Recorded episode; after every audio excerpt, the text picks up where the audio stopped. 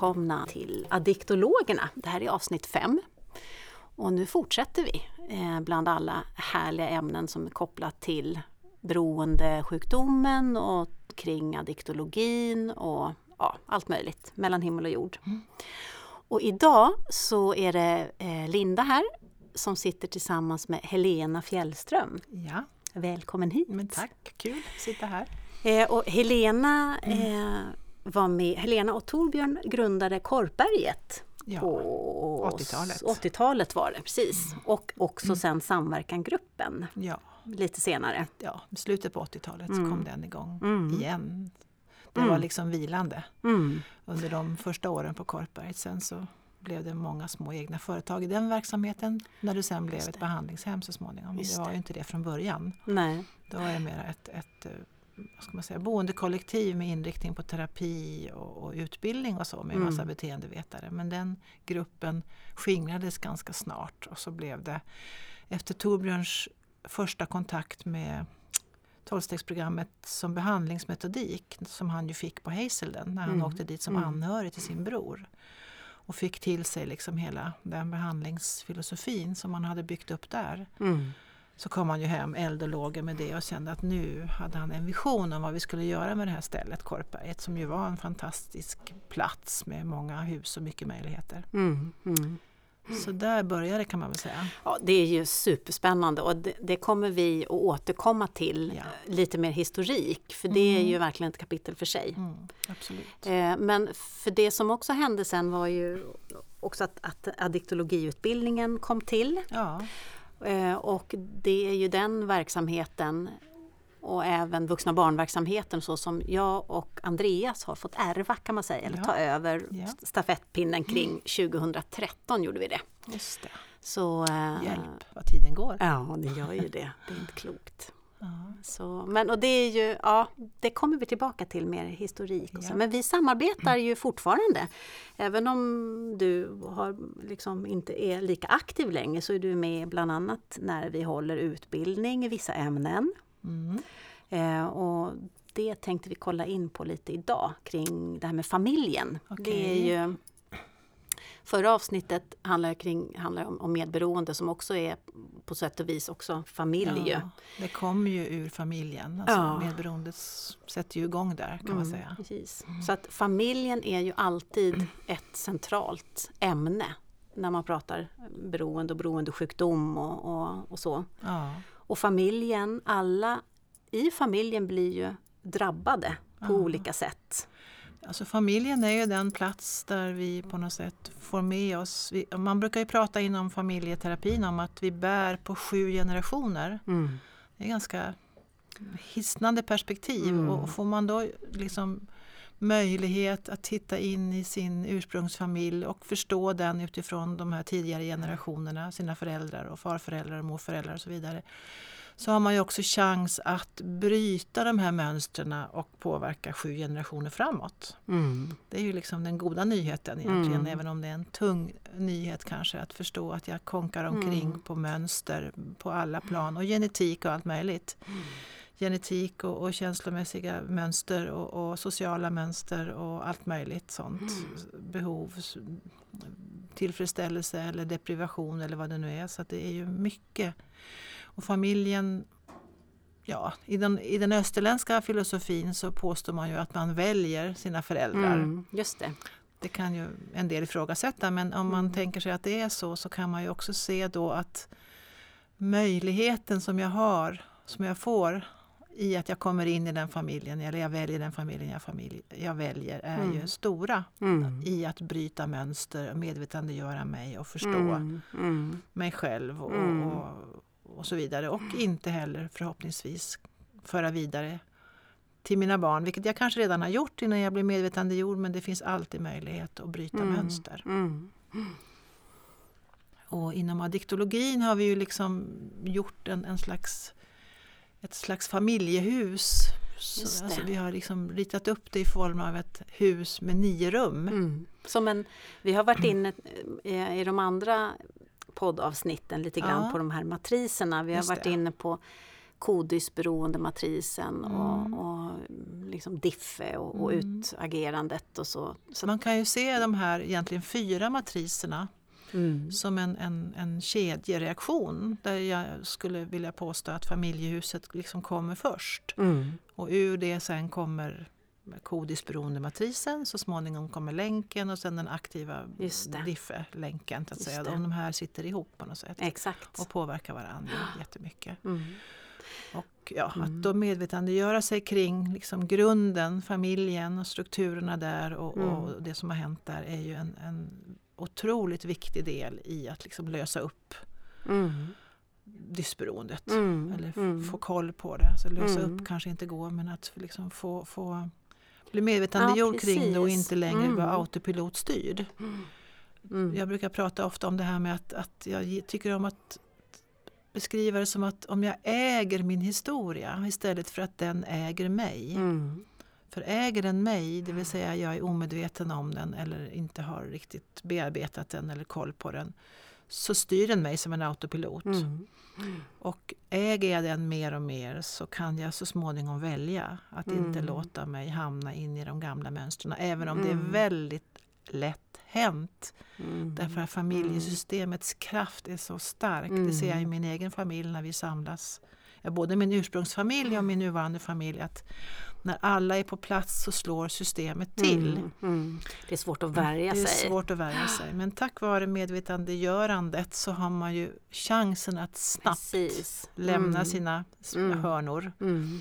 på spelplanen Mm. liksom, och kliva in i och vara som man är och inte spela de här spelen och Mm. börja överleva istället för att leva och allt det där. Mm. Men det kraftfullt. Ja, det är kraftfullt. Precis. Systemet har väldig kraft och, och, och alla delarna i systemet är ju påverkade så att säga. Mm. Mm. Och, och tänker man då i sju generationer tillbaka så är ju Exakt, då är ju farmor och mormor Ja. och gammelfastrarna och all, alla är med Precis, liksom, på ja. ett eller annat sätt. Precis, Mm. så det är Mm. viktigt att förstå det. Det är en slags försonande idé. Mm. Även om det Mm. inte är ursäktar att man fortsätter att bära det vidare och beter sig tokigt. Men det är ändå en slags försonande förståelse. Mm. Mm. Det gäller att skilja på förklaringar och ursäkter Mm. när man tittar på det här. Eh, Vi pratade tidigare om det här med att en, i ett beroende och i en beroendesjukdom så drabbas alla i familjen, eller alla i familjen hittar ju ett sätt att hantera Mm. och överanpassa sig och överleva Mm. från det här. Att inte bli mött eh, Ja, på ett sunt sätt. Precis, familjen Mm. strävar ju länge efter att, att ändå hålla ihop och att Mm. barnen i en familj ju egentligen aldrig vill att den ska splittras upp. Och om de vuxna av olika anledningar inte är att räkna med, för ofta är det ju så att om en vuxen är en beroende och den andra vuxen är den största möjliggöraren eller den liksom kraftigaste medberoenden, överanpassade, så är ju ingen av dem egentligen någonting att räkna med för barnen. Precis. Och eh, det blir ju ofta en sån familj att de vuxna som ju, som ju borde ha rollen av att vara de som möter behoven i Mm, familjen mm. och håller i strukturer Mm. och regler och liksom bestämmer fast på ett schysst och, Mm, och, och mm.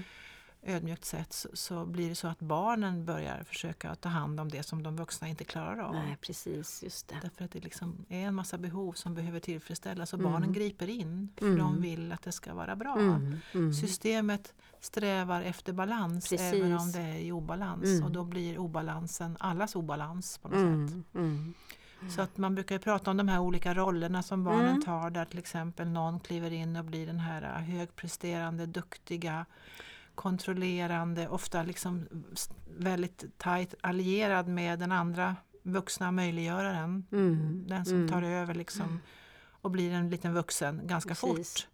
Och blir duktig och, och inkännande och, och ja, försöker att ta hand om det som inte fungerar Mm, mm. på olika sätt.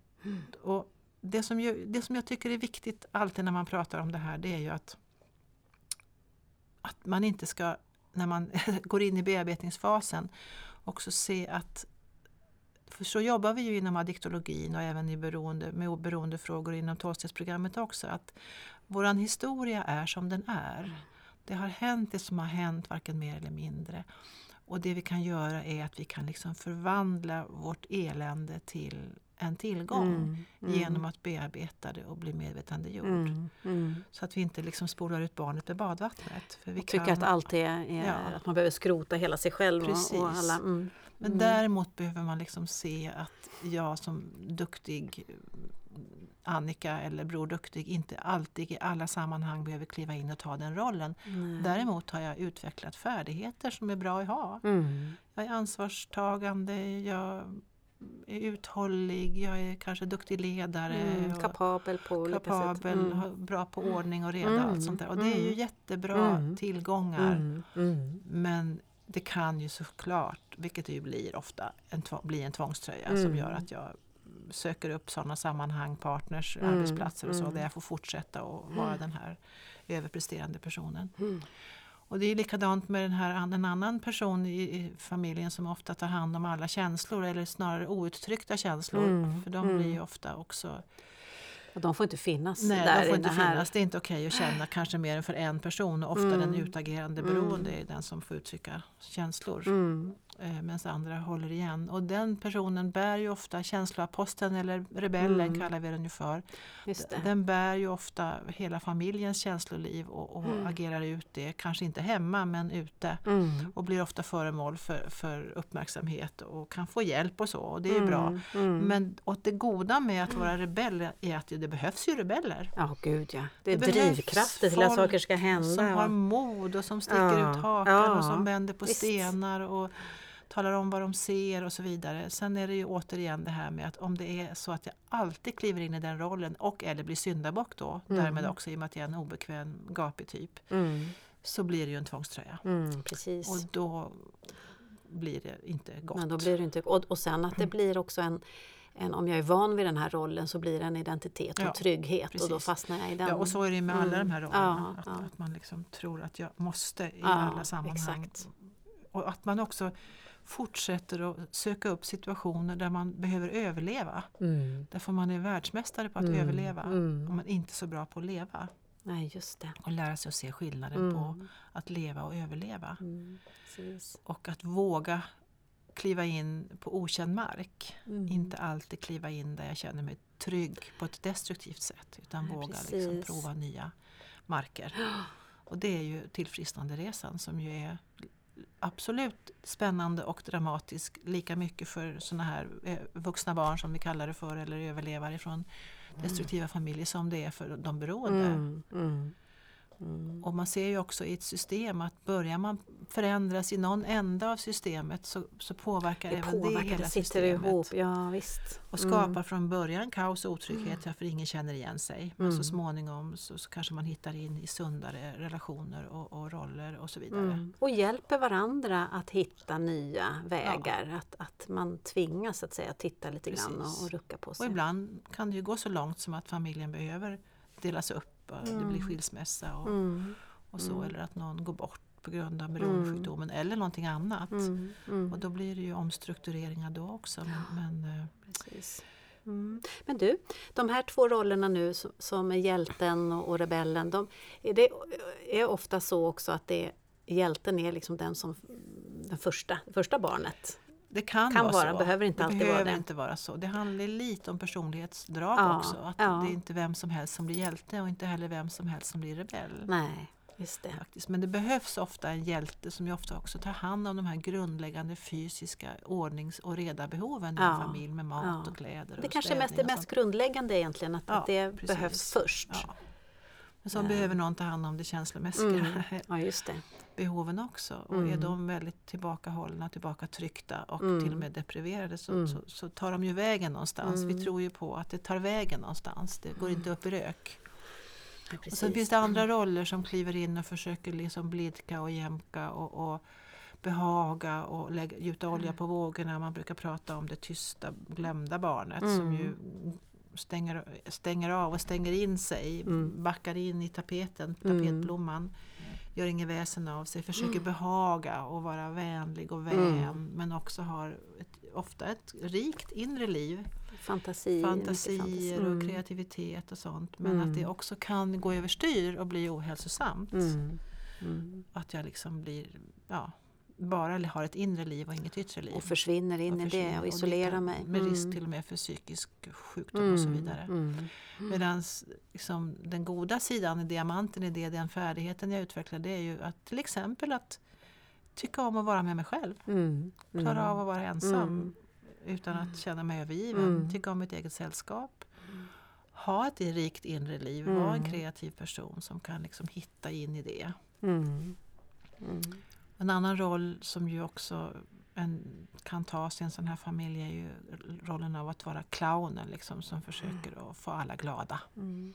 Alla ska må bra. Jag gör vad som helst för att alla ska må bra. Liksom. Mm. Slår kullerbyttor och spelar clown och spelar teater och uppträder och skojar och skämtar och, och, och grejer och mojar för att liksom det ska bli trevligt. Ja, precis. De, de här två sista rollerna försöker ofta ta hand om de här inre behoven av, mm. av, av, sammanhang, tillhörighet, bekräftelse, sammanhållning, som vi-känsla. Mm. Mm. Medan de andra två tar hand om lite mera yttre behov. Mm. Mm. Men att ha humor och kunna skämta och, och alltså det är ju också en otrolig mm. tillgång. Mm, visst är det det. Mm. Att, men och det är också tragiskt, det kan bli tragikomiskt att jag mm. liksom aldrig får vara allvarlig eller ledsen eller mm. någonting annat utan jag ska alltid vara glad och positiv och, och skojig och, och så. Mm. Så att skämta bort tillvaron. Precis, så att det jobbiga inte får finnas. Nej. Att det inte får vara med. Men tiden. det är ju naturligtvis en enorm tillgång att kunna se humorn i, i galenskapen. Ja men exakt, inte ta sig själv och andra på så Nej. jättestort allvar kanske. Precis. Mm. Bjuda på sig själv. Och det är ju en väldigt populär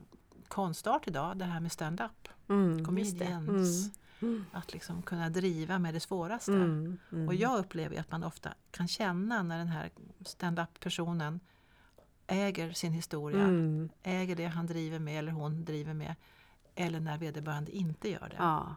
Precis. Att det är mera en bearbetning och då blir det lite mer pinsamt mm. och smärtsamt. Mm. Att se. Mm. Och clownen på cirkus är ju en tragikomisk figur mm. som alla pekar finger och skrattar mm. åt när den ramlar och slår sig och gör mm. bort sig.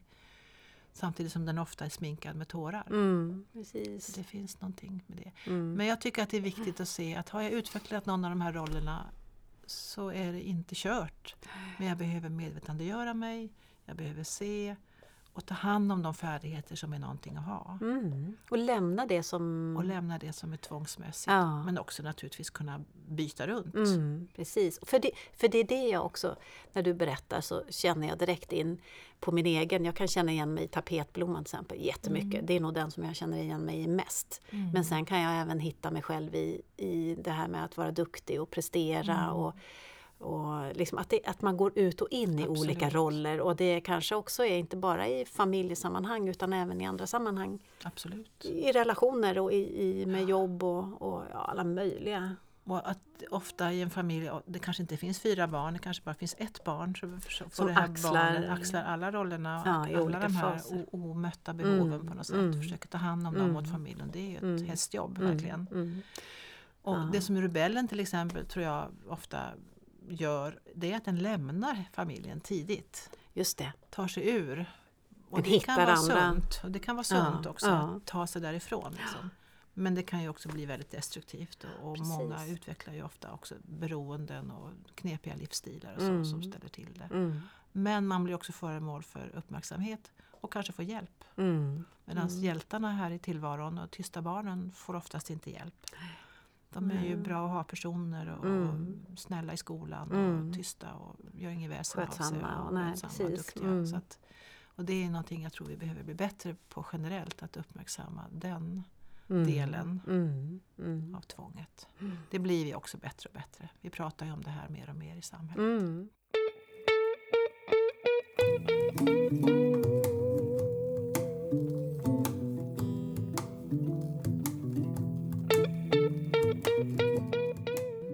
Man ska sammanfatta det här med rollerna på något sätt, att det är ju alltså viktigt att, att bli medvetandegjord om ja. att det är mm. så här och att det ser ut så här, ser olika ut i olika familjer och hur ser det ut i min familj och, och vad gör jag med det och hur mm. känns det och hur tar jag hand om det? För, och det är ju i, kopplat till addiktologiutbildningen just, den är ju det är en stor del av den är ju en, också en, att det är en, det är en processutbildning, process, att, ja. att vi liksom mm. riktar oss inåt, man får möjlighet att titta på sig själv och bearbeta och bli medvetandegjord mm. om sin mm. egen historia därför att ska man jobba med människor och möta andra så ligger ju det annars kan ja. det ligga i vägen i mötet. Och Absolut. det, blir ju det kan skapa tokigt. projektioner och mm. överföringar och sånt. Så det är ju oerhört viktigt att mm.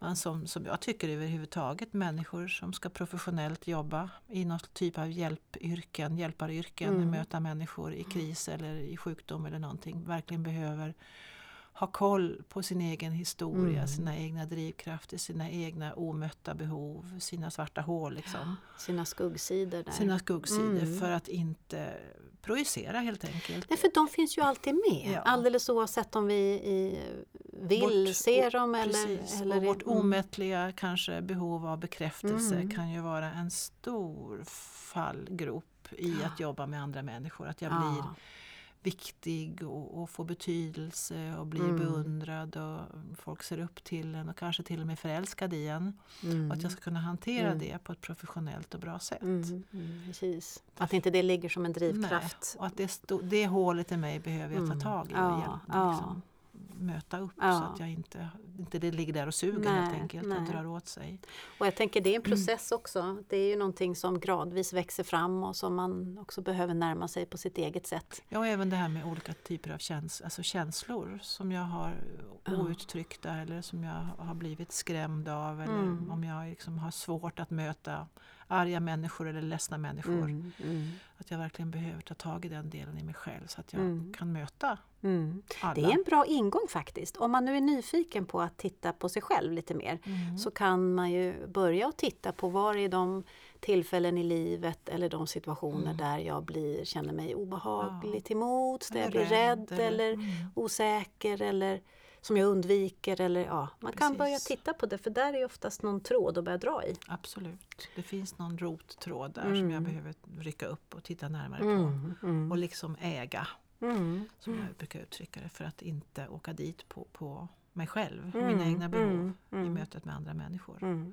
Det är lätt hänt. Ja, Verkligen. Och som, som hjälpare har jag ju en, en, slags maktposition som jag verkligen behöver vara varsam med. Och mm. Jag har makt i den situationen när någon mm. söker upp mig och ber om hjälp. Mm. Och den behöver jag förvalta på ett gott, etiskt och klokt mm. sätt. Ja, verkligen.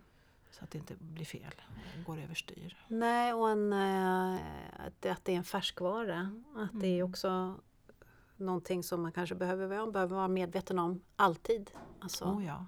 Även om medvetenheten, att man har fått kunskap om det, så ja. behöver det ju finnas. Och då är det ju snabbare att bryta. Om jag är där igen liksom, så kan jag känna att ja, nu precis. är jag ute och cyklar här. Nu är jag på väg För igen. Det här mm. är något som jag behöver fortsätta mm. jobba med. Mm. Så kan jag bryta och, mm. och, och, och hämta hem mig liksom. Mm, mm, och inte låta autopiloten styra. Nej.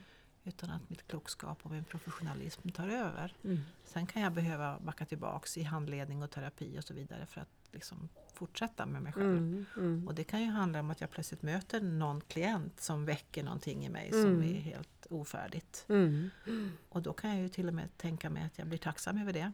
Ja men precis, det här med att, att, att bli lite... Blir, ja någonting väldigt viktigt för mig. Ja, och att det blir en att, att få in, eh, det vet jag att du har pratat om tidigare flera gånger, det här med nyfikenheten. Mm. Att vara, ha nyfikenhet kring det, att aha, det här är någonting. Vad är det? Ja, men precis. Berätta att det mer. finns, ja, ja, spännande. Det här är ju mm. alltså, det är ett jättestort område. Ja. Vi har bara varit inne och nosat, lite, nosat på, lite på det bara. Men vi kommer, eh, alltså, jag tänker det är så mycket mer att, prata om kring de här grejerna och, och, vikten av att ta med de här bitarna i, i arbete med familjer, med arbete med individer i beroende. Mm. Eh, man börjar titta på och att, att man faktiskt tar med den här helhetsaspekten, holistiska aspekten med hela familjen. Ja, man har tittat in i alla de här rummen i den här ja. nio, nio rumslägenheten eller mm. som vi brukar prata om och liksom förstått och, och undersökt och ja. Liksom, ja, utforskat de här mm. olika områdena som handlar om behov och kommunikation och helheten av det. Av det. Och så mm. Arv och miljö och påverkan och prägling och allting sånt där. Mm. Så att jag får en, en, en helhetsbild, både av mig själv först och främst då, innan jag kliver in i mötet med andra men sen så mm. småningom också kan hjälpa mina klienter att få sin egen helhetsbild. Mm, mm. För det är ju det som också är uppdraget, att mm. hjälpa till medvetenhet. Ja, att, att till en karta och mm. kunna få se. Precis. Mm. Mm, ja, vad spännande, vad kul! Men vi kanske kan, eh, vi får se hur, hur vi utvecklar saker vidare men definitivt den här eh, nierumshuset, alltså mm. det här mm. treplansvillan eller vad vi vill kalla det, matrisen, kommer vi, vi definitivt ta en guidad och... visning där någon gång. det tycker jag. Ja. Men eh, ska vi, ska vi nöja oss där det den här gången? Jag. Det låter bra. Vad kul Tack att, du, att jag fick, fick prata. Ja, vad roligt med. att du att du är här. Mm. Hej då, ha det bra! Tack så jättemycket för att du har lyssnat.